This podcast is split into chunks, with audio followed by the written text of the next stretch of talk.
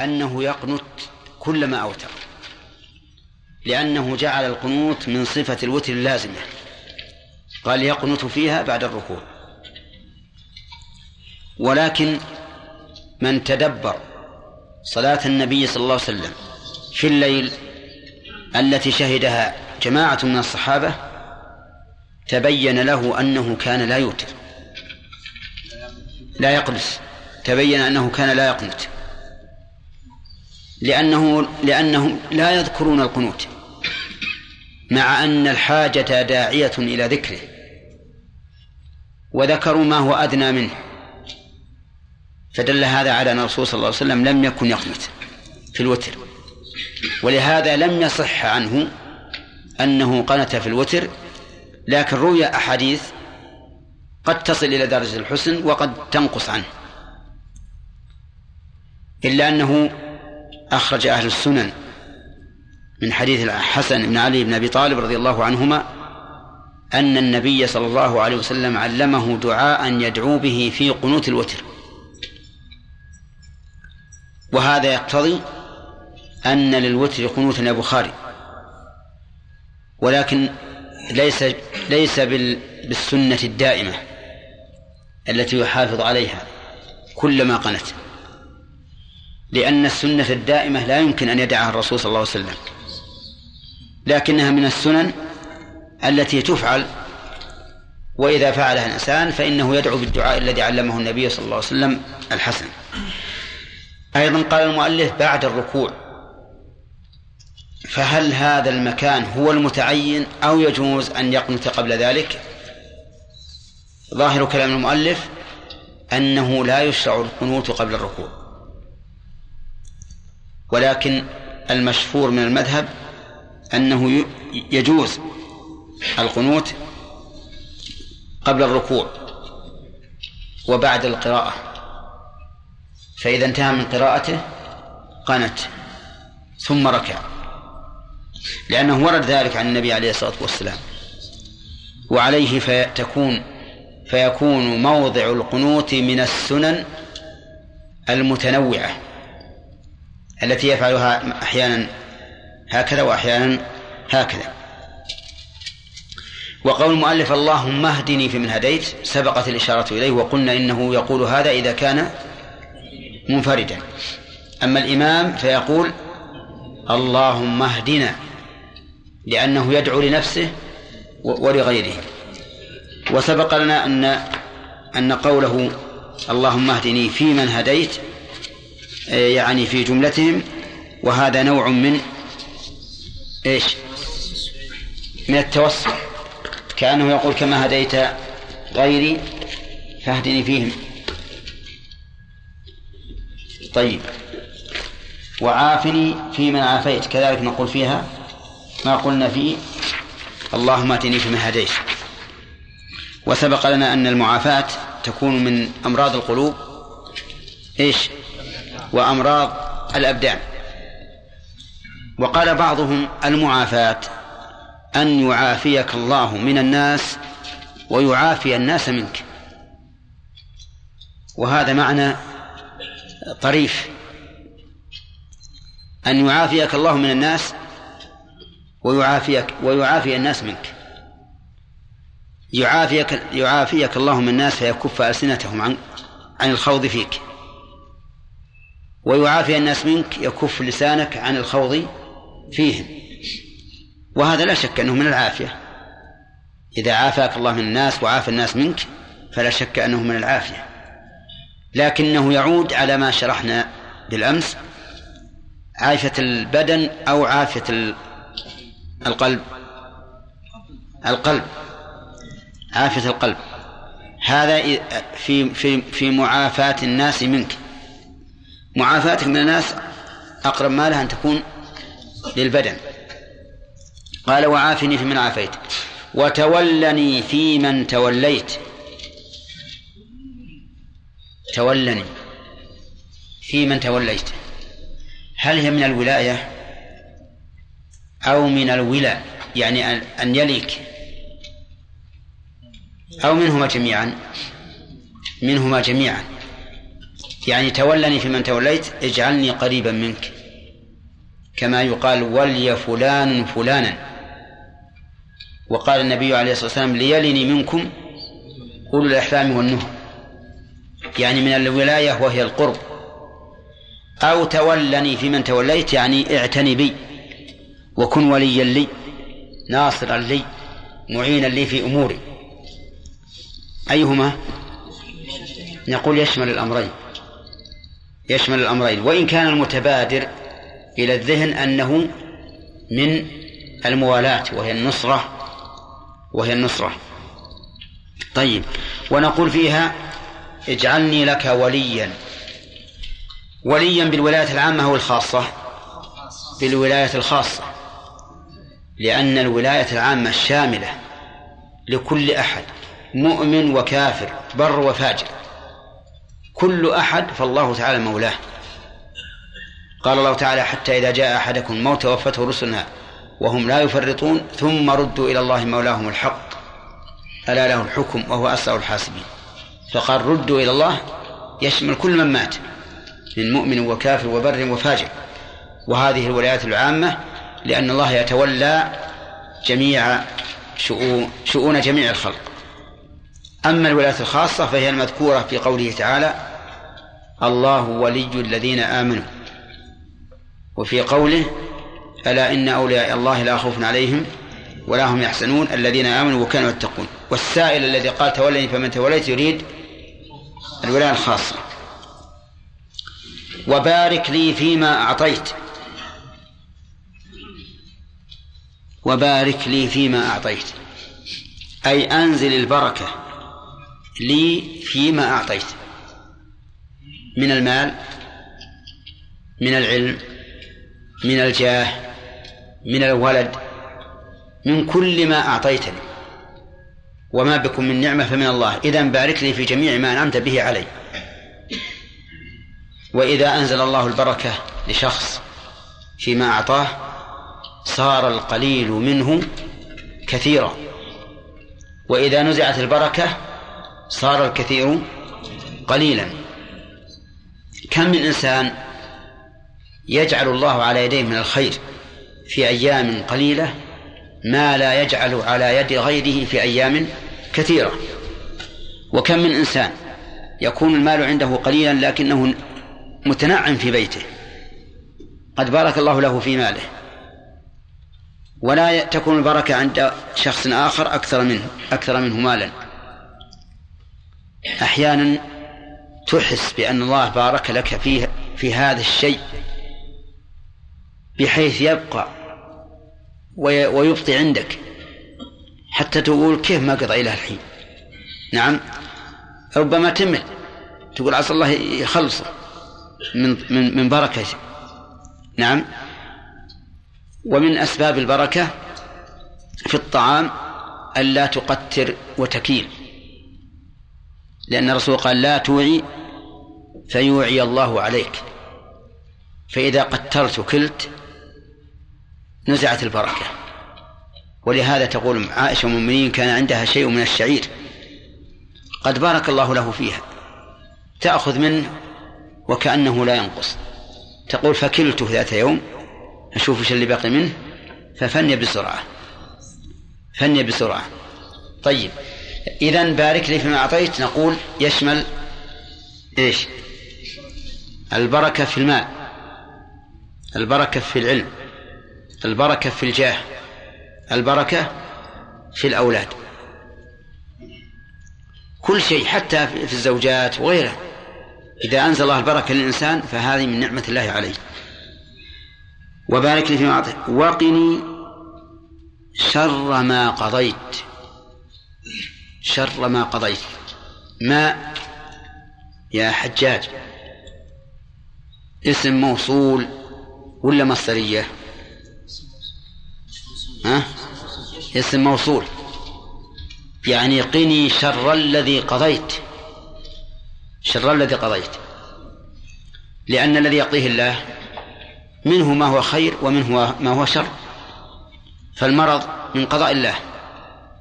شر ولا خير؟ ها؟ شر بذاته لكن قد يكون يوصل إلى خير. إذا وفق الإنسان وصبر على هذا المرض صار خيرا له. لكن هو في حد ذاته شر. المصائب التي تصيب الإنسان في بدنه في ماله في أهله كلها شر. لكن قد تكون خيرا باعتبار آخر. إنما هي من قضاء الله ولا من غير قضاء الله؟ من قضاء الله. طيب نفسك من الله ولها شر ولا ما لها شر؟ لها شر. اللهم قني شر نفسي. إذا قنا شر ما قضيت أي شر الذي قضيته. لو قال قائل شر ما قضيت أجعل ما مصدرية. وأقول شر قضائك قلنا هذا لا يصح. إلا إذا أردت بالقضاء المقضي. أما أن يكون قضاء الله نفسه فإن أما أن يكون قضاء الله نفسه فإن قضاء الله ليس ليس بشر. لقول النبي صلى الله عليه وسلم والشر ليس إليك. والشر ليس إليك. قال الخير بيديك والشر ليس إليك. ولهذا لا يجوز أن تقول بيدك الخير والشر. بيدك الخير والشر لا يجوز. لأن النبي صلى الله عليه وسلم عدل عن قوله بيدك الخير والشر إلى قوله والشر ليس إليك. طيب. فإن قال قائل ألستم تقولون إن من من الإيمان الإيمان بالقدر خيره وشره؟ الإيمان بالقدر خيره وشره. نقول نعم نقول هذا ولا بد. ولكن لنا على هذا جوابان. الجواب الأول أن المراد بالقدر المقدور. أن المراد بالقدر المقدور. والمقدور فيه الشر ولا لا؟ ها؟ فيه الشر. فالشر باعتبار المفعول لا باعتبار الفعل. الوجه الثاني أن نقول إن أنه شر باعتبار الفعل لكن هذا الشر له يترتب عليه خير كثير. هو شر من قضاء الله لكن فيه خير كثير مراد به خير كثير. الفساد في البر والبحر شر لكن إيش؟ خير. ليذيقهم بعض الذي عملوا لعلهم يرجعون. ألست أنت تأتي بولدك الذي هو أحب الناس إليك؟ ولدك ريحانة أحب الناس إليك وهو مريض. وتأتي بالحديدة تحميها على النار حتى تتلهب وتكويه بها حتى يصرخ ويتألم. هذا شر ولا مو بشر؟ ها؟ شر. لكن ثمرته ثمرته خير. كذلك أفعال الله عز وجل هي شر باعتبار باعتبار ذاتها. أما باعتبار ما أراد الله بها من الخير فهي خير. فهي خير. فالشر إذن أمر نسبي. أمر نسبي. أما حقيقة فعل الله فإنه ليس بشر إطلاقا.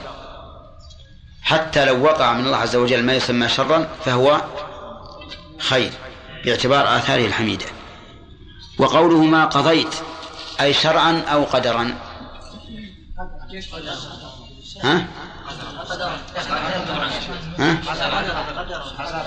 لا قدرا. شرعا ما في الشر كل ما قضاه الله شرعا فهو خير. سواء أمر سواء كان أمرا أم نهيا. إذن فالمراد بالقضاء هنا القضاء القدري دون الشرع لأن الشرع كله خير. طيب القضاء القدري موجود في القرآن. مثل قوله تعالى وقضينا إلى بني إسرائيل في الكتاب لتفسدن في الأرض مرتين. هذا قضاء قدري ولا شرعي. لماذا؟ لأن الله لا يقضي شرعا بالفساد بل لا يحب الفساد. القضاء الشرعي مثل قوله تعالى وقضى ربك ألا تعبدوا إلا إياه وبالوالدين إحسان. هذا قضاء شرعي. لأنه لو كان قضاء كونيا للزم أن يعبد الناس كلهم الله لأن القضاء الكوني لا لا يتخلف أبدا. إذن فالقضاء في قوله تعالى وقضينا إلى بني إسرائيل في الكتاب لتفسدن قضاء كوني كوني قدري. وفي قوله وقضى ربك لا تعبد الله قضاء شرعي. نعم. طيب. وقني شر ما قضيت. نعم. نعم. المحض. الشر المحض نعم. لنا قول المؤلف رحمه الله تعالى في الوتر ويقنت فيها بعد الركوع. يقنت في في الركعة الثالثة بعد الركوع. هذا هو الأكثر. وإن قنت قبله فلا بأس. إذا أتم القراءة قنت ثم كبر وركع فهذا فهذا جائز أيضا. وقول المؤلف يقنت فيها أفادنا رحمه الله أن القنوت سنة. سنة في الوتر. وإلى هذا ذهب أصحاب الإمام أحمد وقالوا إنه يسن أن يقنت في الوتر في كل ليلة. وقال بعض أهل العلم لا يقنت إلا في رمضان. وقال آخرون يقنت في رمضان في آخره. ولم يثبت عن النبي صلى الله عليه وسلم حديث صحيح في القنوت في الوتر. لكن فيه حديث أخرجه ابن ماجه بسند ضعيف ولكن حسنه بعضهم لشواهده. أن النبي صلى الله عليه وسلم كان يقنت في الوتر. أما الإمام أحمد فقال إنه لم يصح عن النبي صلى الله عليه وسلم في الوتر قبل الركوع ولا بعده في القنوت في الوتر قبل الركوع ولا بعده شيء. لكن صح عن عمر رضي الله عنه أنه كان يقنت من السنة إلى السنة. والمتأمل لصلاة النبي صلى الله عليه وسلم في الليل يرى أنه لا يقنت في الوتر إنما يصلي ركعة يوتر بها ما صلى وينتهي. وهذا هو الأحسن أن لا تداوم على قنوت الوتر لأن ذلك لم يثبت عن رسول الله صلى الله عليه وسلم. ولكنه علم علي الحسن بن علي رضي الله عنه دعاء يدعو به في قنوت الوتر. وهذا يدل على أنه سنة لكن ليس من قوله ليس من فعله بل من قوله. على أن بعض أهل العلم أعل حديث الحسن بعلة وهي أن الحسن حين مات الرسول صلى الله عليه وسلم كان له ثمان سنوات. ولكن هذه العلة ليست بقادحة لأن من له ثمان سنوات يمكن أن يعلم ويتلقن ويحفظ. فها هو عمرو بن سلمة الجرمي رضي الله عنه كان يؤم قومه وله سبع أو ست سنين. يؤم قبيلة وله ست أو سبع سنين. يكون إماما لهم لأنه كان أقرأهم. قال المؤلف فيقول اللهم اهدني فيمن هديت وعافني فيمن عافيت وسبق الكلام عليهم. وتولني فيمن توليت. يعني أسبغ علي ولايتك. في من توليت. والولاية هنا يراد بها الولاية الخاصة دون الولاية العامة لأن ولاية الله للخلق تنقسم إلى قسمين ولاية عامة وولاية خاصة. فالعامة هي ولاية الملك والتدبير وهذه شاملة لجميع الخلق. كل الخلق فوليهم يا جمال الذي يدبرهم من؟ الله كما قال تعالى ثم ردوا إلى الله مولاهم الحق. أما الولاية الخاصة فهي ولاية تقتضي العناية وهي الولاية التي استحقها من قال الله فيهم ألا إن أولياء الله لا خوف عليهم ولا هم يحزنون الذين آمنوا وكانوا يتقون. هؤلاء هم أهل الولاية الخاصة الذين آمنوا وكانوا يتقون فجمعوا بين الولاية والتقوى. ولهذا نقول من كان مؤمنا تقيا كان لله وليا. والمراد بقول تولي في من توليت المراد بذلك أي الولايتين؟ الخاصة. نعم. لأن الأولى ثابتة سواء طلبت أم لم تطلب. وليك الله شئت أم أبيت. لكن الولاية الخاصة هي التي تطلب. وقوله في من توليت أي في جملتهم. في جملة من توليت. وهذه كما أسلفنا يقصد بها التوسل إلى الله عز وجل بولايته لمن, لمن لغيرك أن يتولاك. كما أن فيها الثناء على الله من جهة أخرى أنه قد من على كثير من عباده بالولاية. نعم. طيب ما ما يضر. قال وبارك لنا فيما أعطيت. نعم. وقنا شر ما قضيت. كل هذا أخذناه. وقنا شر ما قضيت. هذا وقفنا عليه. وقلنا إن إن ما قضاه الله عز وجل قد يكون خيرا وقد يكون شرا. فما هو الخير وما هو الشر؟ ما كان يلائم الإنسان وفطرته فإن ذلك خير. وما كان لا يلائمه فذلك شر. فالصحة والقوة والعلم والمال والولد الصالح وما أشبه ذلك هذا خير. والمرض والجهل والضعف والولد الطالح وما أشبه ذلك هذا شر. لأنه لا يلائم الإنسان. فما لاءم الإنسان وطبيعته فهو خير. وما نافر الإنسان وطبيعته فهو شر. وقول قني شر ما قضيت. ما هنا بمعنى الذي؟ أي الذي قضيته.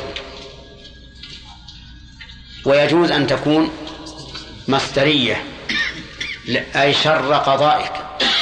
والمراد قضاؤه الذي هو مقضيه. لأن قضاء الله الذي هو فعله وإن كان شرا لكنه في الحقيقة خير. لأنه لا يراد إلا لحكمة عظيمة. فالمرض مثلا قد لا يعرف الإنسان قدر نعمة الله عليه بالصحة إلا إذا مرض. وقد يحدث له المرض. توبة ورجوعا إلى الله ومعرفة لقدر نفسه وأنه ضعيف وأنه محتاج إلى الله عز وجل. بخلاف ما لو بقي الإنسان صحيحا معافى فإنه قد ينسى قدر هذه النعمة ويفتخر. كما قال الله تعالى ولأن أذقنا الإنسان منا رحمة ثم ثم نزعناها منه إنه ليئوس كفور. ولئن أذقناه رحمة منا من بعد ضراء مسته ليقولن هذا لي إنه لا إنه لفرح فخور. نعم يعني إذا أصابته النعمة فرح وفخر بها. والعكس بالعكس. يقولن ذهب السيئات. نعم لا يقولن ذهب السيئات عني إنه لفرح فخور. لا يقولن ذهب السيئات عني إنه لفرح فخور. فالحاصل أن الشر أن قضاء الله عز وجل وإن كان يكون فيه شر فإنه خير من وجه آخر. طيب يقول قيني شر ما قضيت فإن قال قائل كيف تجمع أو كيف نجمع بين قوله قيني شر ما قضيت وقوله صلى الله عليه وسلم والشر ليس إليك. فالجواب عن ذلك أن نقول إن الشر لا ينسب إليه لأن ما قضاه وإن كان شرا فهو فهو خير بخلاف غيره. فإن غير الله ربما يقضي بالشر لشر محض ربما يعتدي عليك إنسان على مالك على بدنك على أهلك لقصد الشر والإضرار بك. لا لقدر ما لا, لا, لا لقصد مصلحتك وحينئذ يكون فعله شرا شرا محضا. وقني شر ما قضيت. وفي قوله ما قضيت إثبات القضاء لله. وقد بينا أن قضاء الله شرعي وقدري. فالشرعي مثل قوله تعالى وقضى ربك ألا تعبدوا إلا إياه. والقدري مثل قوله تعالى وقضينا إلى بني إسرائيل لتفسدن في الأرض مرتين. في الكتاب وقضينا إلى بني إسرائيل في الكتاب لتفسدن في الأرض مرتين ولتعلن علوا كبيرا. فالأول وقضى ربك ألا تعبدوا إلا إياه شرعي والثاني قدري. والفرق بينهما من وجهين. الوجه الأول أن القضاء الكوني لا بد من وقوعه. وأما القضاء الشرعي فقد يقع من المقضي عليه وقد لا يقع. والثاني أن القضاء الشرعي لا يكون إلا فيما أحب سواء أحب فعله أو أحب تركه وأما القضاء الكوني فيكون فيما أحب وفيما لم يحب. قال إنك تقضي ولا يقضى عليك. نعم. الله تعالى يقضي. بما أراد. ولا يقضى عليه لا أحد يقضي على الله ويحكم عليه. قال الله تعالى والله يقضي بالحق والذين يدعون من دونه لا يقضون بشيء أبدا لا حق ولا غير حق لأنها جمادات. إن الله هو السميع البصير. فإن قال قائل ولا يقضى عليك. أليس الله تعالى قد كتب على نفسه الرحمة. بلى. ولكن كتابته على نفسه الرحمة ليست قضاء عليه. بل هو الذي قضى بها على نفسه. إذن فهو قاضي. هو القاضي. لا ما ما هم ليس العباد هم الذين قضوا بها على الله. ولهذا قال ابن القيم رحمه الله ما للعباد عليه حق واجب. هو أوجب الأجر العظيم الشان. كلا ولا عمل لديه ضائع إن كان بالإخلاص والإحسان. إنه لا يذل من واليت ولا يعز من عاديت. إنه لا يذل من واليت. أي ولاء ولاية خاصة. ولا يعز من عاديت أي لا يغلب من عاديته. طيب هذا هو الواقع. لأن من والاه الله فهو منصور. كما قال الله تعالى إنا لننصر رسلنا والذين آمنوا في الحياة الدنيا ويوم يقوم الأشهاد. وقال الله تعالى ولينصرن الله من ينصره. إن الله لقوي عزيز. الذين إن مكناهم في الأرض أقاموا الصلاة وآتوا الزكاة وآمروا بالمعروف ونهوا عن المنكر. ولله عاقبة الأمور. وأما من عاداه الله فهو ذليل. لأن الله إذا نصر أولياءه فعلى من؟ على أعدائه. إذن فالعز للأولياء والذل للأعداء. فإن قال قائل هل هذا على عمومه؟ لا يذل من واليت ولا يعز من عاديت. نقول ليس, ليس على عمومه. فإن فإن الذل قد يعرض لبعض المؤمنين والعز قد يعرض لبعض المشركين ولكنه ليس على سبيل الإدالة المطلقة. الدائمة المستمرة فالذي وقع في أحد للنبي صلى الله عليه وسلم وأصحابه لا شك أن فيه اعتزاز المشركين ولهذا افتخروا به فقالوا يوم بيوم بدر والحرب سجال افتخروا ولا شك أنه أصاب النبي صلى الله عليه وسلم وأصحابه من الجراح والضعف ما لم يسبق من قبل. ولكن هذا شيء عارض ليس عزا دائما مضطردا للمشركين. وليس ذلا للمؤمنين على وجه الدوام والاستمرار. وإنما هو عارض. ومع هذا ففيه مصالح عظيمة كثيرة. ذكرها الله تعالى في سورة آل عمران. واستوعب الكلام عليها ابن القيم رحمه الله في زاد المعاد في فقه هذه الغزوة. ذكر فوائد عظيمة من من هذا الأمر الذي حصل للنبي صلى الله عليه وسلم وأصحابه. إذن فلنا أن نقول نعم هذا ليس على عمومه ويخص بالأحوال العارضة. ولنا أن نقول إنه عام باق على عمومه لا يخصص منه شيء لكنه عام أريد به الخصوص. يعني أنه أن المراد لا يذل ذلا دائما ولا يعز عزا دائما. وعلى هذا فلا يحتاج أن نقول إنه عام دخله التخصيص بل نقول إنه من الأصل. لم يقصد به العموم وإنما قصد به العز المعين والذل المعين. فالذل على سبيل الإطلاق هذا منفي عن أولياء الله والعز لأعداء الله على سبيل الإطلاق هذا أيضا منفي. نعم.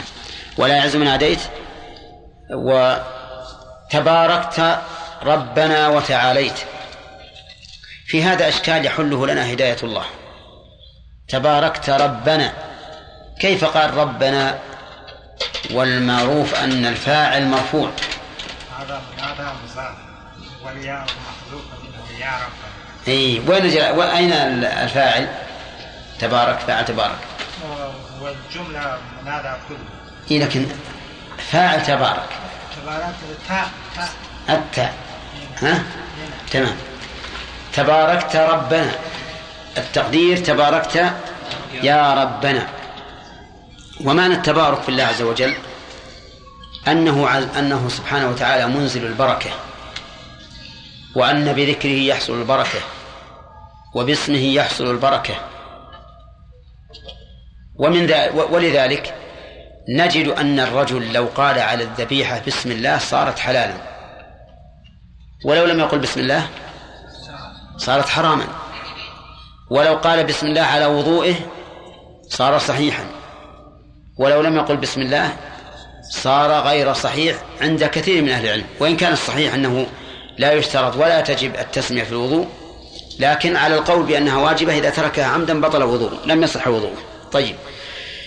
وقول ربنا أي يا ربنا وحذفت ياء النداء لسببين لكثرة الاستعمال وللتبرك بالبداءة بسم الله عز وجل.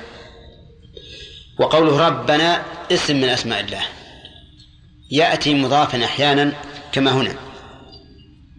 وكما في رب السماوات والأرض رب العرش العظيم. ويأتي غير مضاف محلا بأل. مثل قوله صلى الله عليه وسلم فأما الركوع فعظموا فيه الرب. وقوله صلى الله عليه وسلم السواك مطهرة للفم مرضاة للرب.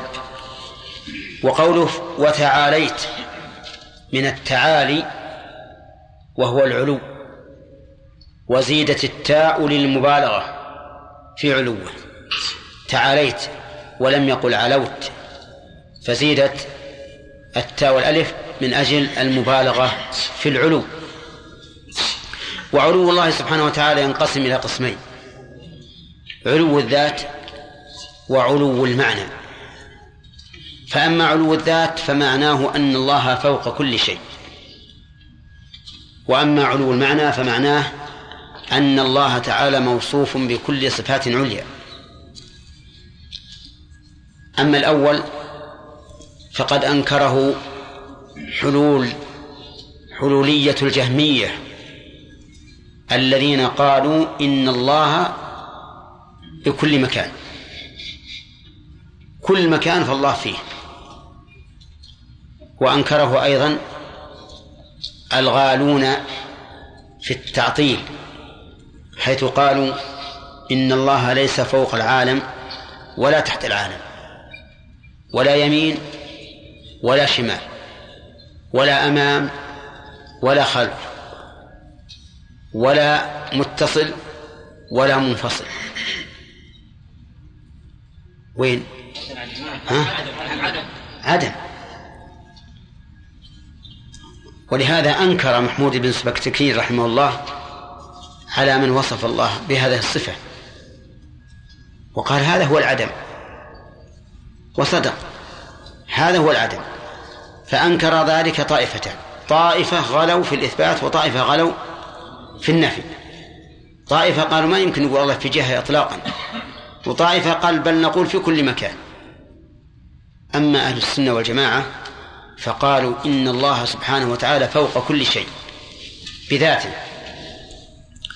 واستدلوا لذلك بأدلة خمسة. الكتاب والسنة والإجماع والعقل والفطرة. خمسة أدلة. كل ما يمكن من أجناس الأدلة فهي موجودة في ثبوت علو الله.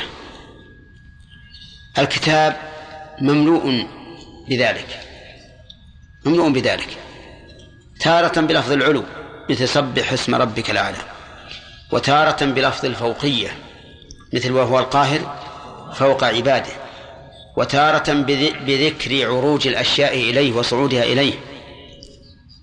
مثل تعرج الملائكة والروح إليه إليه يصعد الكلم الطيب وتارة بنزول الأشياء منه يدبر الأمر من السماء إلى الأرض.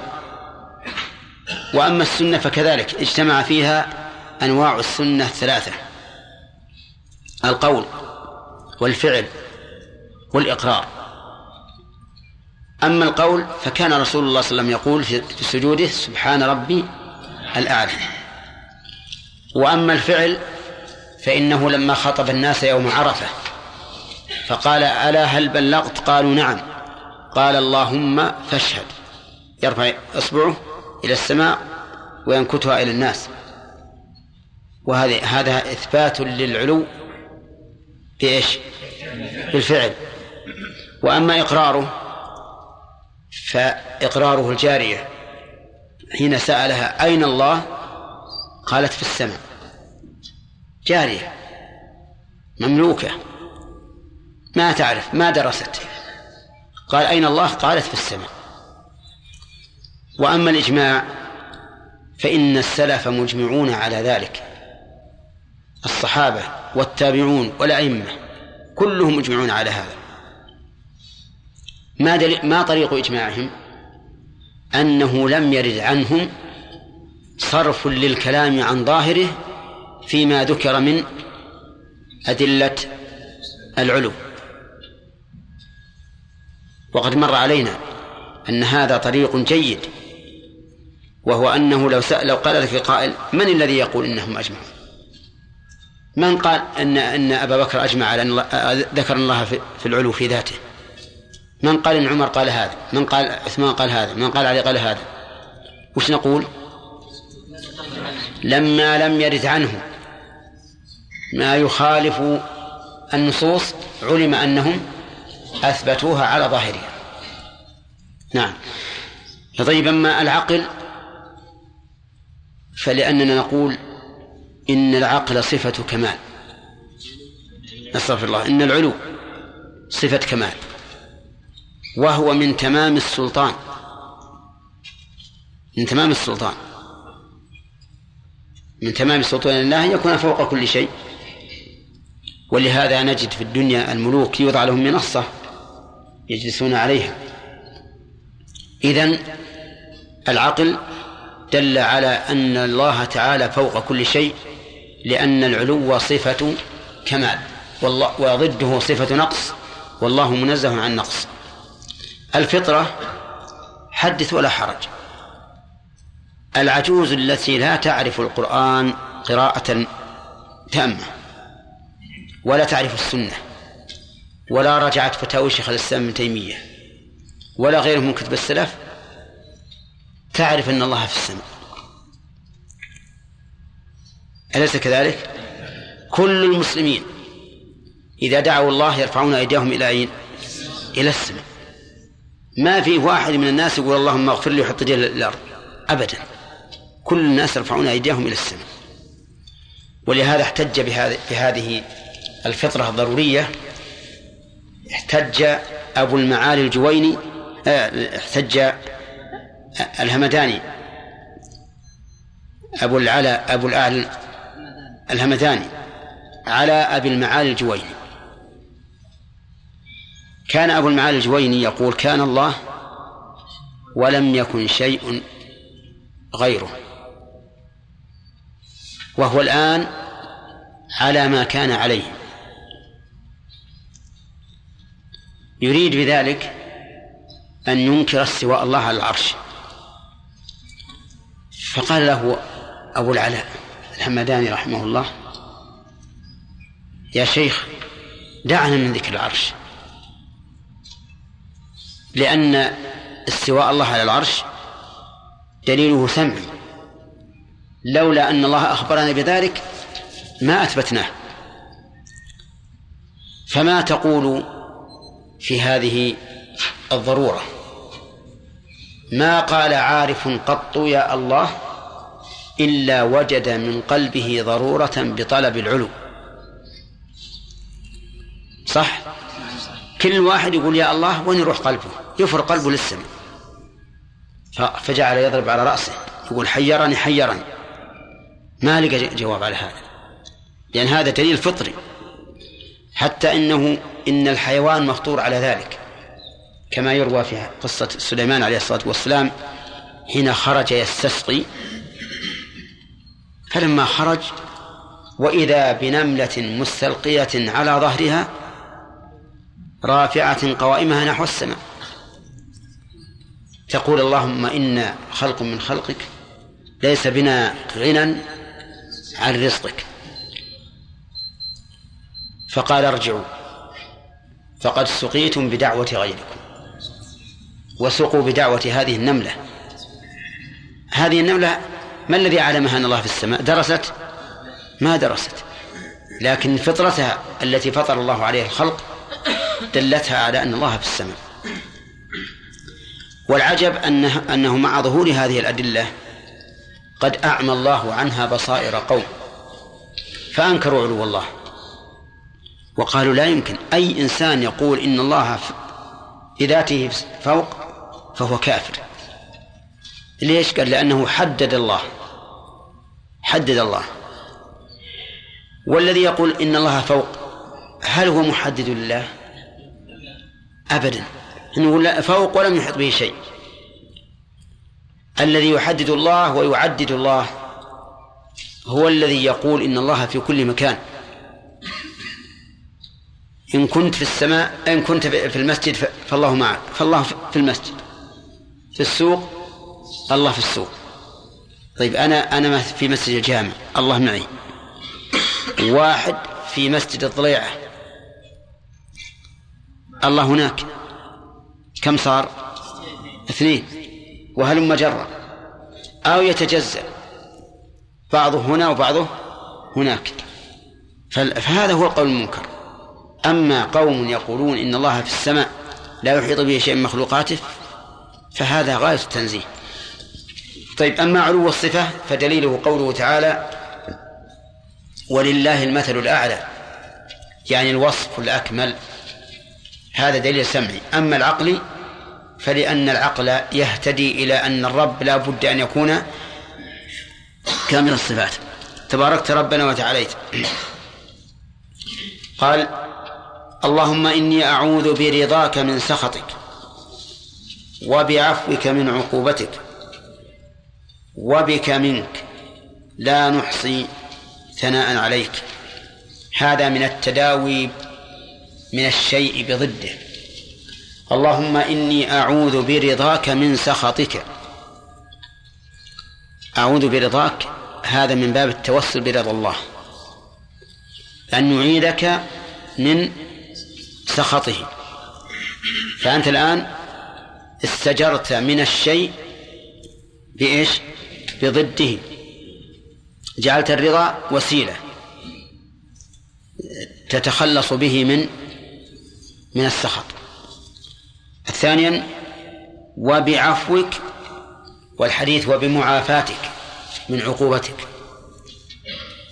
المعافاة هي أن الله تعالى يعافيه يعافيك من كل بلية في الدين أو في الدنيا. ما ضد المعافاة؟ ضد المعافاة العقوبة. والعقوبة لا تكون إلا بذنب. وإذا استعنت الله بم... استعذت بمعافاة الله من عقوبته فإنك تستعيذ من ذنوبك حتى يعفو الله عنك إما بمجرد فضله وإما بالهداية إلى أسباب التوبة. وقال وأعوذ بك منك أعوذ بك منك. نعم. لا يمكن أن تستعيذ من من الله إلا بالله إذ لا أحد يعيذك من الله. اللهم لا مانع لما أعطيت ولا معطي لما منعت ولا ينفع ذا الجد منك الجد. فلا أحد يعيذك من الله. إذن بمن تستعيذ من الله؟ أستعيذ من الله من الله بالله. فهو الذي يعيذني مما أراد بي من سوء. ومعلوم أن الله تعالى قد يريد بك سوءا. ولكن إذا استعذت به منه أعاذك وفي هذا غاية اللجوء إلى الله. وأن الإنسان يقر بقلبه ولسانه أنه لا مرجع له إلا ربه سبحانه وتعالى. ثم قال اللهم نعم. لا نحصي ثناء عليك. لا نحصي ثناء عليك يعني لا ندركه. ولا نبلغه ولا نصل إليه. والثناء هو تكرار الوصف بالكمال. ودليل ذلك قوله تعالى في الحديث القدسي إذا قال الإنسان الحمد لله رب العالمين قال حمدنا عبدي. وإذا قال الرحمن الرحيم قال أثنى علي عبدي. فلا يمكن أن تحصي ثناء على الله أبدا. لو تبقى أبد الآبدين ما أحصيت ثناء على الله. وذلك لأن أفعال الله غير محصورة. وكل فعل من من أفعاله فهو كمال. وأقواله غير محصورة. وكل قول من أقواله فهو كمال. وما يدافع عن عباده أيضا غير محصور. فالثناء على الله به لا يمكن. يعني لا يمكن أن يصل الإنسان مهما بلغ من الثناء على الله غاية ما يجب لله من الثناء. وغايته أن يعترف وغاية الإنسان أن يعترف بالنقص والتقصير فيقول لا أحصي ثناء عليك أنت كما أثنيت على نفسك. يعني أنت يا ربنا كما أثنيت على نفسك أما نحن فلا نستطيع أن نحصي الثناء عليك. وفي هذا من الإقرار بكمال صفات الله ما هو ظاهر معلوم. ثم قال اللهم صل على محمد وعلى آل محمد. يعني يختم الدعاء بالصلاة على النبي صلى الله عليه وسلم لأن ذلك من أسباب الإجابة. كما يروى ذلك في حديث فيه مقال أن الدعاء موقوف بين السماء والأرض حتى تصلي على نبيك. وظاهر كلام المؤلف الاقتصار على هذا الدعاء. ولكن لو أن الإنسان زاد فلا بأس لأن المقام مقام دعاء. وكان أبو هريرة رضي الله عنه يقنط بلعن الكافرين فيقول اللهم لعن الكفرة. وهذا ليس في هذا الدعاء مما يدل على أن الأمر في ذلك واسع وأيضا لو لو فرض أن الإنسان لا يستطيع أن يدعو بهذا الدعاء فله أن يدعو بما شاء مما يحضره. ثم قال نعم اللهم صل على محمد وعلى آل محمد. الصلاة على النبي صلى الله عليه وسلم يعني إيش؟ الثناء عليه في الملأ الأعلى. الثناء عليه في الملأ الأعلى. يعني أن الله تعالى يبين صفاته الكاملة عند الملائكة. وعلى آله من هم؟ آله أتباعه على دينه. لقوله تعالى ويوم تقوم الساعة أدخلوا آل فرعون أشد العذاب. يعني أتباعه على دينه ما لم يذكر الأتباع. فإن قيل وعلى آله وأتباعه صار المراد بالآل المؤمنين من أهل بيته. وقد قال الشاعر مبينا أن المراد بالآل الأتباع. قال آل النبي هم أتباع ملته من الأعاجم والسودان والعرب.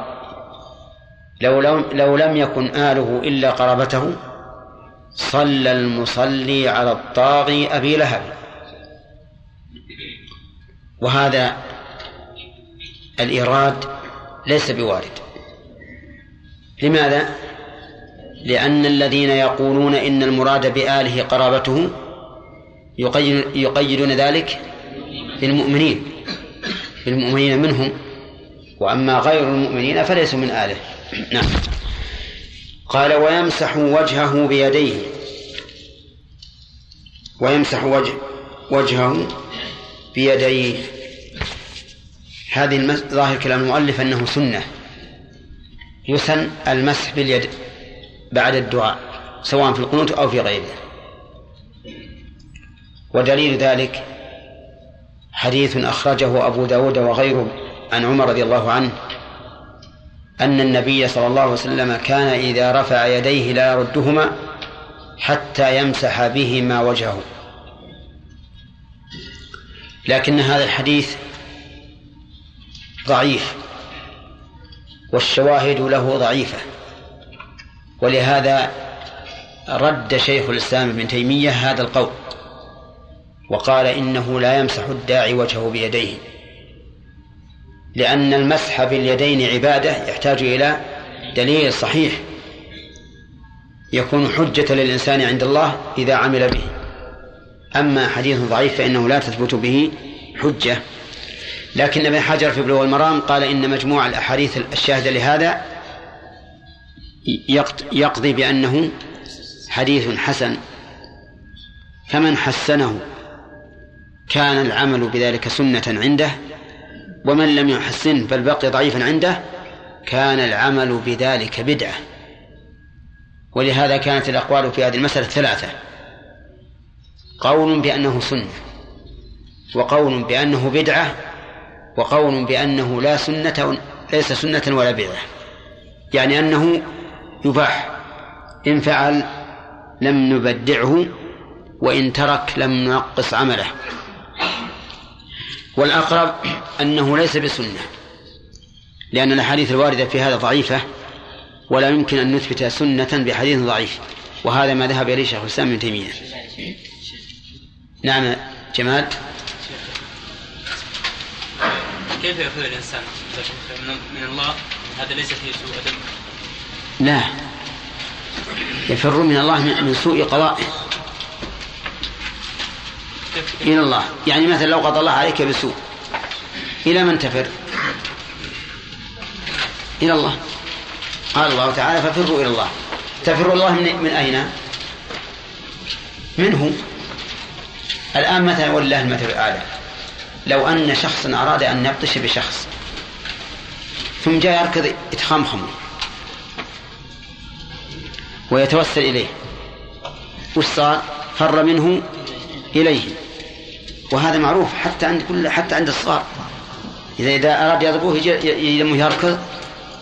ها؟ يخمخم ويقول دخيلك دخيلك يعني أستعيذ بك منك.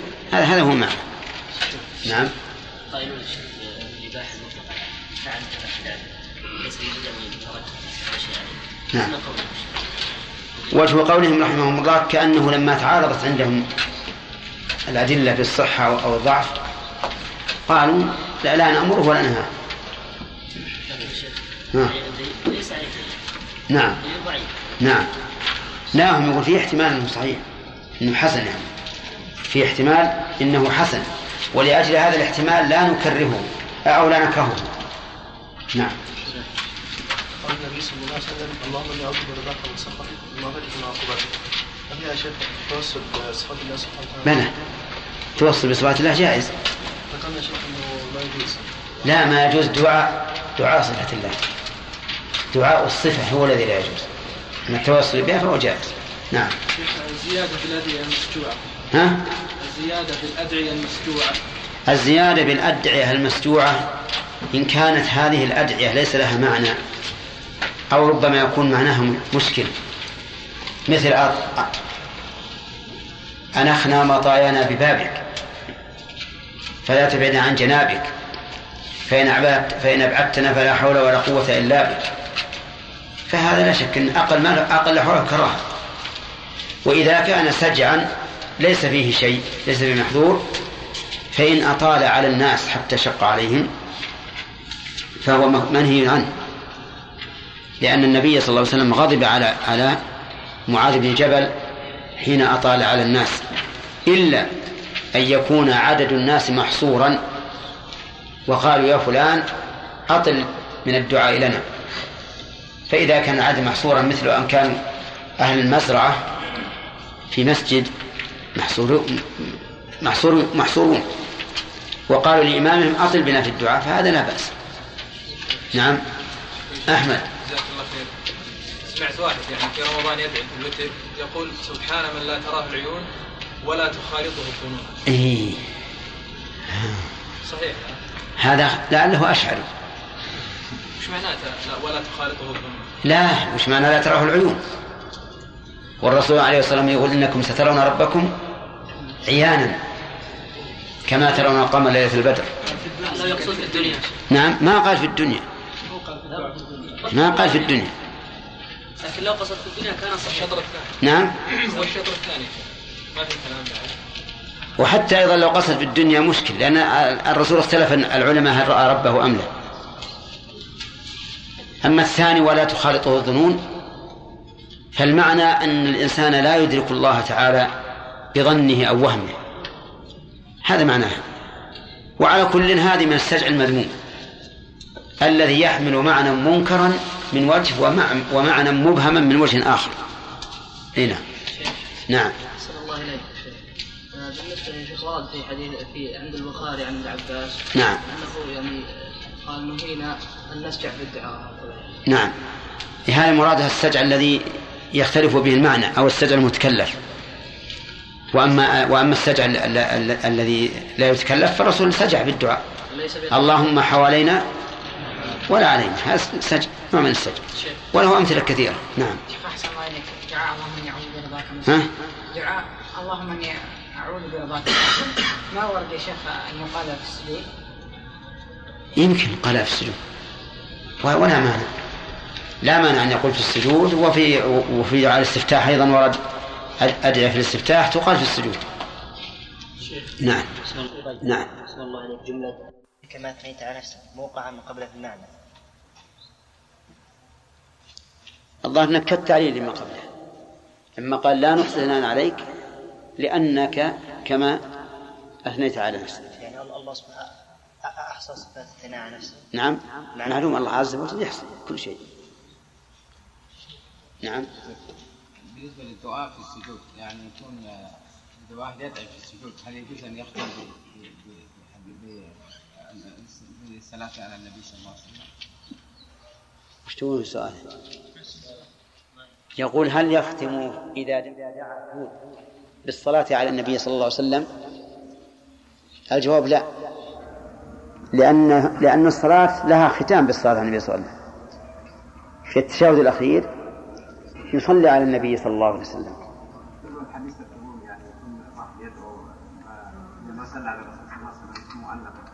إي نعم لأن الصلاة الصلاة عبادة واحدة.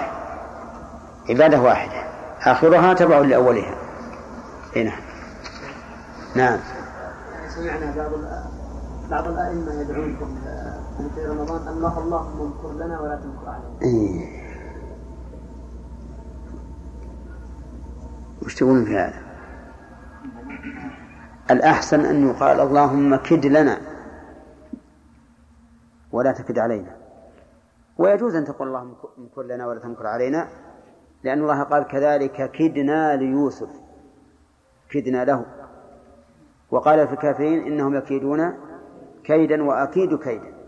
ما هو أكيد لهم أكيد عليهم. هنا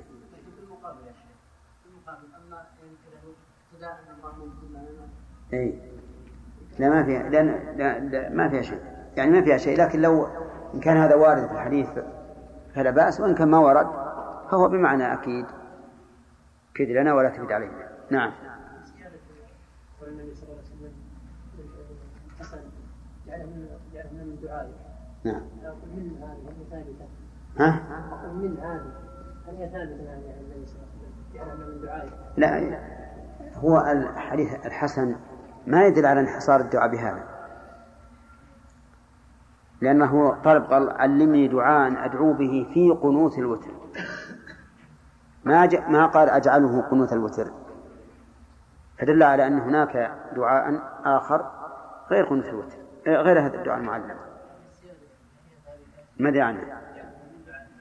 ما أدري عنه. هذه ما أدري عنها نعم.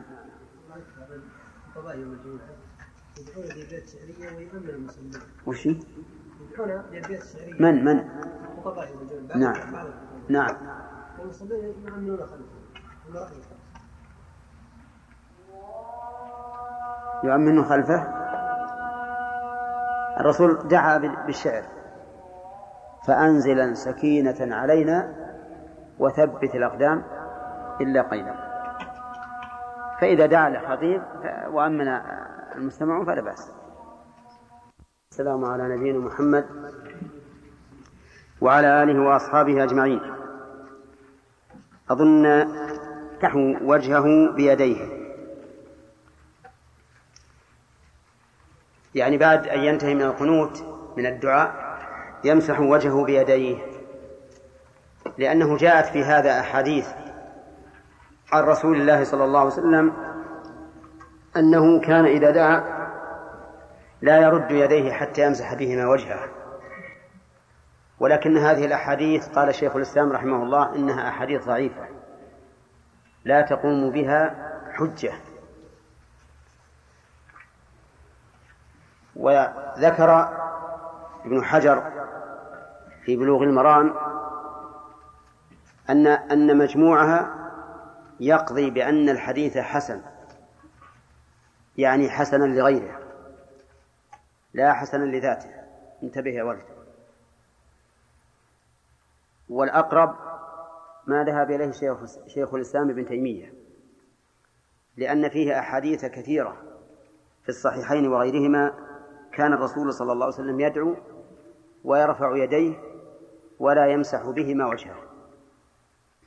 ومثل هذه السنة التي ترد كثيرا وتتوافر الدواعي على نقلها إذا لم تكن معلومة في مثل هذه الأحاديث في مثل هذه المؤلفات المعتبرة كالصحيحين وغيرهما فإنها تدل على أنه لا أصل لها. وعلى هذا فالأفضل ألا يمسح. ولكن لا ينكر على من مسح اعتمادا على تحسين الأحاديث الواردة في ذلك لأن هذا مما يختلف فيه الناس. يقول مالك رحمه الله ويمسح وجهه بيديه ويكره قنوته في غير الوتر. يكره قنوته أي قنوت المصلي في غير الوتر. ويريد بقنوته قنوته بهذا الدعاء. اللهم اهدني فيمن هديت إلى آخره. فإنه يكره في غير الوتر. فيشمل القنوت في الفرائض ويشمل القنوت في الرواتب ويشمل القنوت في النوافل الأخرى فكلها لا يقنت فيها مهما كان الأمر. وذلك لأن القنوت دعاء خاص في مكان خاص في عبادة خاصة. وهذه الخصوصيات الثلاث تحتاج إلى دليل. يعني أنها لا تدخل في عموم استحباب الدعاء مثلا. يعني لو قال قائل أليس القنوت دعاء؟ فليكن مستحبا.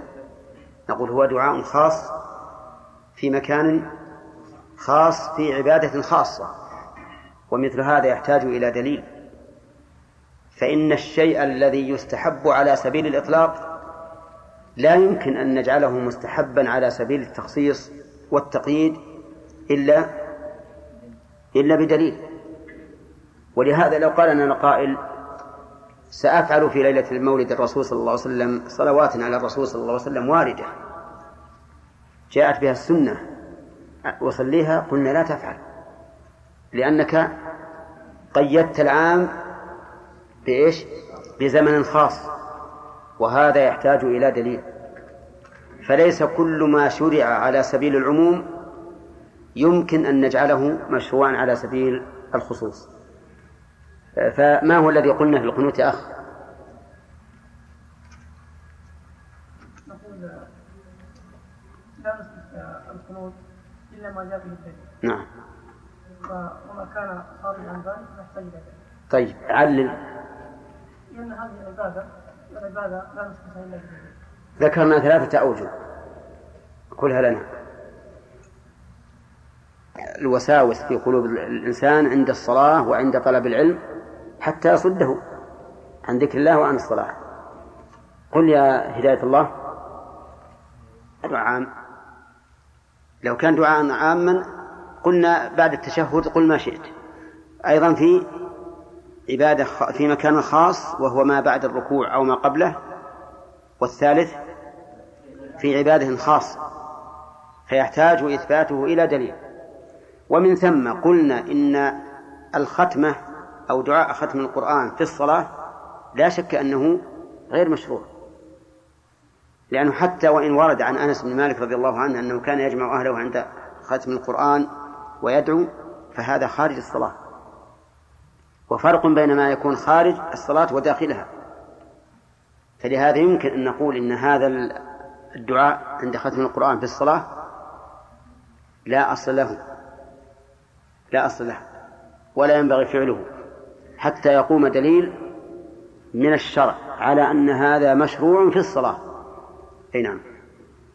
طيب القنوت في غير الوتر أطلق المؤلف أنه يكره مع أن بعض الصحابة رضي الله عنهم أثبتوا أنه بدعة. أثبتوا أنه بدعة. وإذا كان بدعة فأقل أحواله الكراهة. وكأن المؤلف رحمه الله لم يرفعه إلى حد التحريم لوجود خلاف بين العلماء فيه. قال المؤلف إلا أن تنزل أو أن ينزل بالمسلمين نازلة غير الطاعون فيقنت الإمام في الفرائض. إلا أن تنزل بالمسلمين نازلة بالمسلمين. أما إن نزلت بالكفار نازلة فذلك مما يشكر الله عليه وليس مما يدعى برفعه. لكن إذا نزل بالمسلمين نازلة والنازلة هي الشديدة من شدائد الدهر. إذا نزل بهم شدة من شدائد الدهر بالمسلمين يقول المؤلف غير الطاعون. الطاعون وباء معروف فتاك معدي. إذا نزل بأرض فإنه لا يجوز الذهاب إليها. وإذا وقع في أرض فإنه لا يجوز الخروج منها فرارا منه. لأن النبي صلى الله عليه وسلم قال إذا سمعتم به في أرض فلا تقدموا عليها. وإن وقع وأنتم فيها فلا تخرجوا منها فرارا منه. وهذا الطاعون نسأل الله العافية. إذا نزل أهلك أمما كثيرة كما في طاعون عمواس الذي وقع في الشام في عهد عمر رضي الله عنه حتى قيل إنه يموت في اليوم الواحد نحو ألف, ألف نفر مع أن العدد في ذلك الوقت ليسوا بمثل هذا العدد الحاضر. هذا النوع من الوباء إذا نزل بالمسلمين فقد اختلف العلماء رحمهم الله هل يدعى برفعه أو لا. فقال بعض العلماء إنه يدعى برفعه لأنه نازلة من من نوازل الدهر. وأي شيء أعظم من أن يفني هذا الوباء؟ أمة محمد. فلا ولا ملجأ للناس إلا إلا الله عز وجل. فيدعون الله ويسألونه رفعه. ومنهم من قال لا لا يدعى وعلل ذلك بأنه شهادة. فإن الرسول صلى الله عليه وسلم أخبر بأن المطعون شهيد. قالوا ولا ينبغي أن نقنت من أجل رفع شيء يكون سببا لنا في الشهادة. بل نسلم الأمر إلى الله وإذا شاء الله واقتضت حكمته أن يرفعه رفعه. وإلا يبقى ومن فني بهذا المرض فإنه يفنى على الشهادة كما أخبر بذلك النبي صلى الله عليه وسلم. فصار للعلماء قولان هل يقنت لرفع الطاعون أو لا يقنت؟ فمنهم من قال إنه يقنت لأنه نازلة عظيمة تؤدي إلى فناء المسلمين ومنهم من قال إنه لا يقنت له أي لرفعه لأنه شهادة. قال فيقنت الإمام في الفرائض. لو كان عندي تصحيح لأخبرتكم بها أنا ما أبخل عليكم بالتصحيح. قال فيقنت الإمام في الفرائض. فيقنت نقرأها بالرفع ولا بالنصب؟ لا. بالرفع استئنافا. يعني إلا أن تنزل فحينئذ يقنت الإمام. لأنك لو قلت إنها معطوفة تنزل وقلت إلا أن تنزل فيقنت ما بينت الحكم. ما بينت الحكم هل يقنت أم لا. المهم إذا نزل بالمسلمين نازلة قال فيقنت الإمام في الفرائض. يقنت ولم يبين المؤلف حكم هذا القنوت. لكنه استثناه من من الكراهة. يكره قنوته في غير الوتر إلا أن تنزل فيقنت. فحينئذ يستثنى من من الكراهة. وإذا استثني من الكراهة وثبت فعله في الصلاة فإنه يكون مستحبا. لأنه إذا ثبت فعله في الصلاة بموجب الاستثناء لزم أن يكون من أذكار الصلاة وحينئذ يكون مستحبا. وعلى هذا فقول المؤلف فيقنط الإمام يعني استحبابا. وقد أجمع العلماء على أن هذا القنوت ليس بواجب. أجمعوا على أنه ليس بواجب. يعني لو تركه الناس لم يأثموا.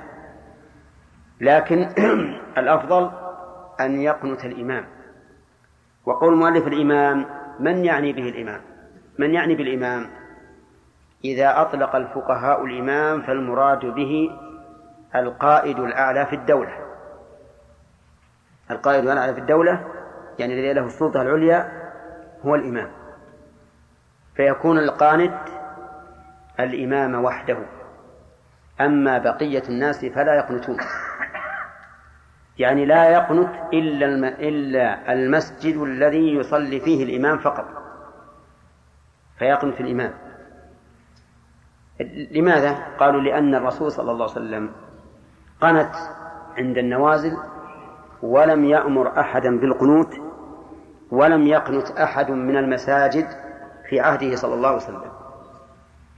ولأن هذا القنوت لأمر نزل بالمسلمين عامة والذي له الولاية العامة على المسلمين هو الإمام فيختص الحكم به ولا يشرع لغيره. وهذا هو المشهور من مذهب الإمام أحمد.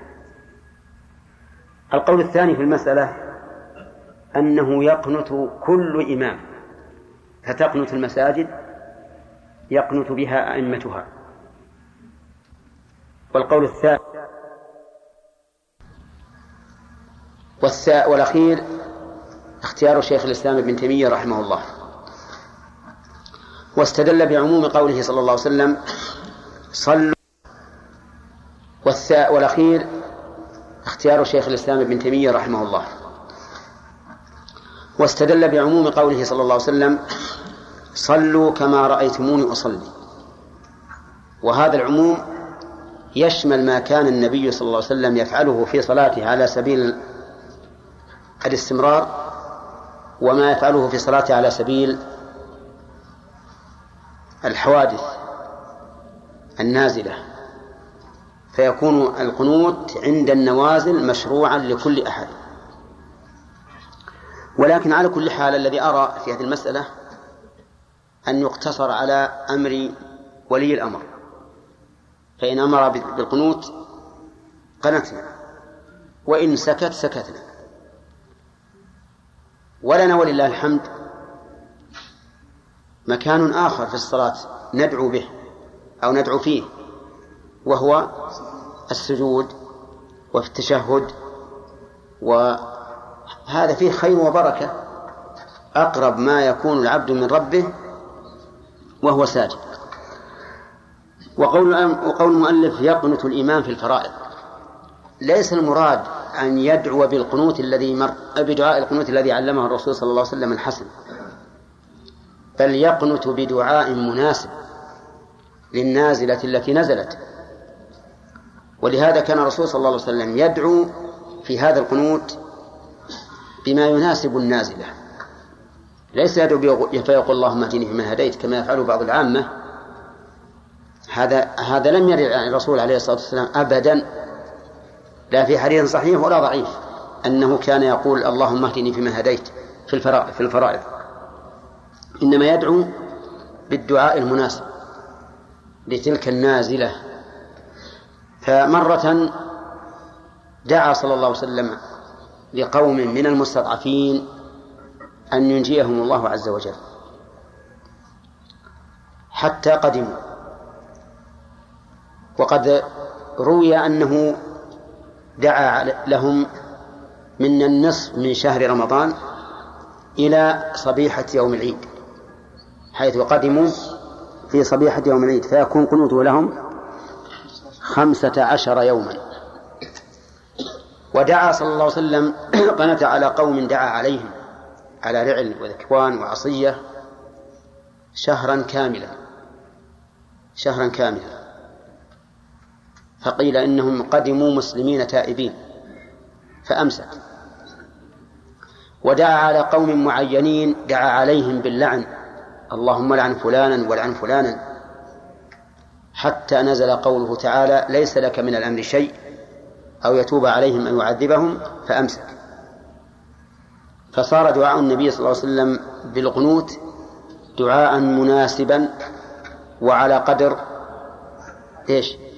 على قدر الحاجة على قدر الحاجة لم يستمر يقول إلا أن تنزل بالمسلمين نازلة غير الطاعون فيقنت الإمام في الفرائض قال في الشرح فيقنت الإمام الأعظم استحبابا. الإمام الأعظم قلت لكم إنه من له السلطة العليا في البلد. طيب إذا قنت يقول في الفرائض في الفرائض. ال دخلت على جمع فتفيد آه العموم يعني في الفجر والظهر. والعصر والمغرب والعشاء وليس خاصا بصلاة الفجر بل في كل الصلوات. هكذا صح عن النبي صلى الله عليه وسلم أنه قنت في جميع الصلوات. طيب. واستثنى بعض العلماء الجمعة. استثنى بعض العلماء الجمعة وقال إنه لا يقنت فيها لأن الأحاديث الواردة عن رسول الله صلى الله عليه وسلم أنه قنت في الصلوات الخمس الفجر والظهر والمغرب والعشاء الفجر والظهر والعصر والمغرب والعشاء. ولم تذكر الجمعة. والجمعة صلاة مستقلة. لا تدخل في مسمى الظهر عند الإطلاق. ولهذا لا تجمع العصر إليها فيما لو. لو كان الإنسان مسافرا وصلى الجمعة وهو يريد أن يمشي. وأراد أن يجمع العصر إلى الجمعة نقول لا يجوز هذا لأنها صلاة من جنس آخر مستقلة. وعلل بعضهم أيضا ذلك بأن الإمام يدعو في خطبة الجمعة. يدعو دعاء عاما يؤمن الناس عليه في خطبة الجمعة فيدعو لرفع النازلة في خطبة الجمعة. ويكتفى بهذا الدعاء عن القنوت في صلاة الجمعة. ويرى بعض أهل العلم أنه لا لا وجه للاستثناء وإنما لم ينص عليها في الحديث ألو... في الأحاديث الواردة عن رسول الله صلى الله عليه وسلم لأنها يوم واحد في الأسبوع. فلهذا تركت. ويدل لهذا أن الرسول صلى الله عليه وسلم إذا علم عن الصلاة المفروضة لا يذكر إلا الصلوات الخمس. لأنها هي الراتبة الموجودة التي ترد على الإنسان في كل يوم بخلاف الجمعة. فالظاهر أنه أنه يقنت حتى في صلاة الجمعة. طيب وإذا قلنا بالقنوت في الصلوات الخمس فإن كان في الجهرية فمن المعلوم أنه يجهر به. وإن كان في السرية فإنه يجهر به أيضا. كما جاء ثبتت به السنة أنه كان يقنت ويؤمن الناس وراءه ولا يمكن أن يؤمنوا عليه إلا إذا كان إيش؟ يجهر. وعلى هذا فيسن أن يجهر ولو في الصلاة السرية. يسن أن يجهر ولو في الصلاة السرية. نعم. طيب. شوف يا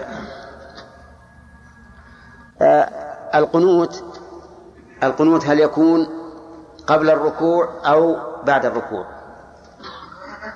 أكثر الأحاديث والذي عليه أكثر أهل العلم أن القنوت بعد الركوع أن القنوت بعد الركوع.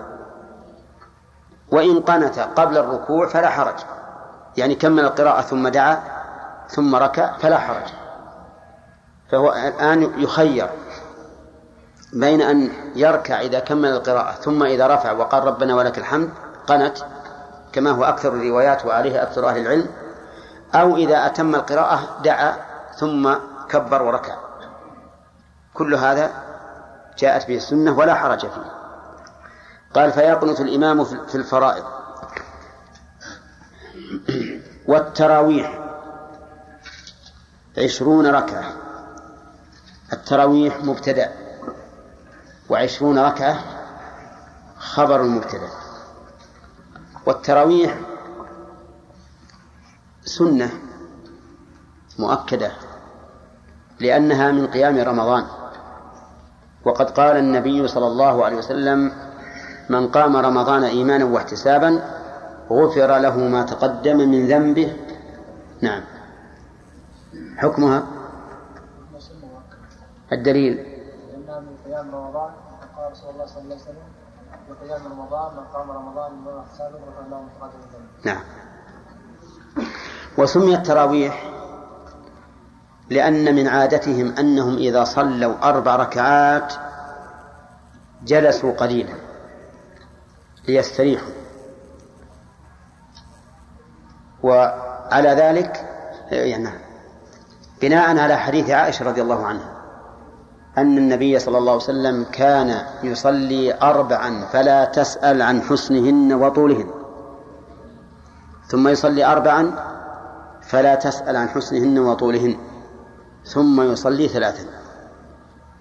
ووجه ذلك أنها قالت يصلي أربعا ثم وثم تدل على الترتيب بمهلة. وأن هناك فاصلا بين الأربع الأولى والأربع الثانية والثانية والأربع وأن هناك فاصلا بين الأربع الأولى والأربع الثانية والأربع الثانية والثلاث الأخيرة. وهذه الأربع يسلم من كل ركعتين كما جاء ذلك مصرحا به في حديث عائشة أنه كان يصلي إحدى عشرة ركعة يصلي من كل ركعتين. خلافا لمن توهم من بعض طلبة العلم أن الأربع تجمع الأولى والأربعة الثانية تجمع فإن ذلك وهم. سببه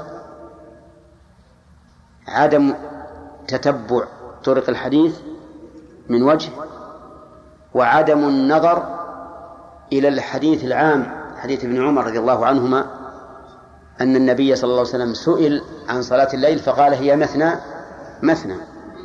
وعلى هذا فكل حديث مطلق في عدد الركعات في الليل يجب أن يحمل على هذا الحديث المقيد وهو أنها إيش؟ مثنى مثنى. أما ما صرح فيه بعدم ذلك كالوتر بخمس أو سبع أو تسع فهذا يكون مخصصا لعموم هذا الحديث. إذن لماذا قالت عائشة يصلي أربعا ثم يصلي أربعا؟ نقول لأنه جمع الأربعة الأولى في آن واحد فصلى ركعتين ثم وصلهما فورا بالركعتين الأخرين ثم جلس وأمهل ثم استأنف وصلى ركعتين ثم أتبعهما بركعتين ثم جلس فأمهل ثم صلى ثلاثا. أخذ السلف من هذا أن يصلوا أربع ركعات بتسليمتين ثم يستريح ثم يصلوا أربعا ثم يستريح ثم يصلوا ثلاثا. إذا إذا إذا أقا إذا قاموا بإحدى عشرة ركعة. طيب والمؤلف يقول رحمه الله يقول آه، عشرون ركعة. عشرون ركعة. التراويح عشرون ركعة. إذا أضفنا إليها أدنى الكمال في الوتر تكون تكون لا تكون ثلاثا وعشرين. تكون ثلاثا وعشرين. في فيصلي التراويح عشرين ركعة ثم يصلي الوتر ثلاث ركعات ويكون الجميع ثلاثا وعشرين ركعة. هذا قيام رمضان. فما هو الدليل؟ الدليل يقول ما لما روى أبو بكر عبد العزيز في الشافي عن ابن عباس أن النبي صلى الله عليه وسلم كان يصلي في شهر رمضان عشرين ركعة. ولكن هذا الحديث ضعيف. لا يصح عن النبي صلى الله عليه وسلم. والذي صح عنه من أعلم الناس به في الليل عائشة أم المؤمنين رضي الله عنها أنه كان لا يزيد على إحدى عشرة ركعة. فقد سئلت كيف كان صلاة النبي صلى الله عليه وسلم في رمضان؟ فقالت كان لا يزيد في رمضان ولا غيره على عشر ركعة. وهذا نص صريح من عائشة وهي من أعلم الناس به في ما يفعله ليلا تقول إنه كان لا يزيد على إحدى عشرة ركعة.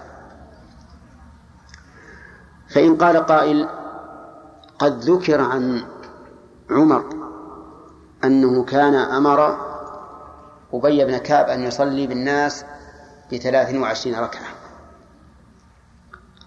قلنا هذا أيضا ليس بصحيح. وإنما روى يزيد بن رومان قال كان الناس يصلون في عهد عمر في رمضان ثلاثا وعشرين ركعة. انتبهوا. يزيد بن رومان لم يدرك عهد عمر. فيكون في الحديث انقطاع. ثم الحديث ليس فيه نص أن عمر اطلع على ذلك. وما فعل في عهد عمر فإنه لا يكون حجة بخلاف ما فعل في عهد الرسول ولم ينكره فإنه يكون حجة لأن الرسول صلى الله عليه وسلم إن كان علمه فقد أقره وإن لم يكن علمه فقد أقره الوحي.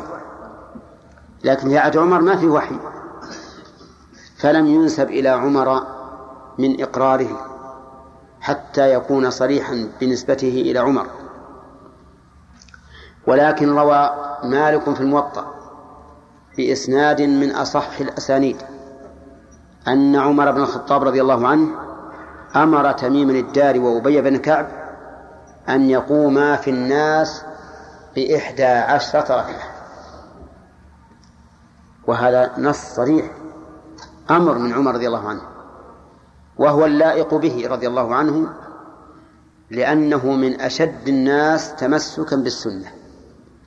وإذا كان الرسول صلى الله عليه وسلم لم يزد على إحدى عشرة ركعة فإننا نعتقد بأن عمر بن الخطاب رضي الله عنه سوف يتمسك بهذا العدد. وعلى هذا فيكون الصحيح في هذه المسألة أن السنة في التراويح أن تكون إحدى عشرة ركعة. يصلي عشرا شفعا وواحدة وترا. والوتر كما قال ابن القيم هو الواحدة. ليس الركعات اللي قبله. الركعات التي قبله من صلاة الليل والوتر هو الواحدة. وإن أوتر بثلاث بعد العشر وجعلها ثلاث عشرة ركعة فلا بأس لأن هذا أيضا صح من حديث عبد الله بن عباس رضي الله عنهما أن النبي صلى الله عليه وسلم صلى ثلاث عشرة ركعة. فهذا هو السنة. ومع ذلك لو أن أحدا من الناس صلى بثلاث وعشرين أو بأكثر من ذلك فإنه لا ينكر عليه لا ينكر عليه. ولكن لو طالب أهل المسجد بأن لا يتجاوز عدد السنة كانوا أحق منه بالموافقة. كان أحق منهم بالموافقة. لأن لأن الدليل معهم إنما لو سكتوا ورضوا فهو لو صلى بهم تسعا وتسعين ركعة ما في مانع. ولا فرق في هذا العدد حتى على المذهب بين أول الشهر وآخره. لا فرق.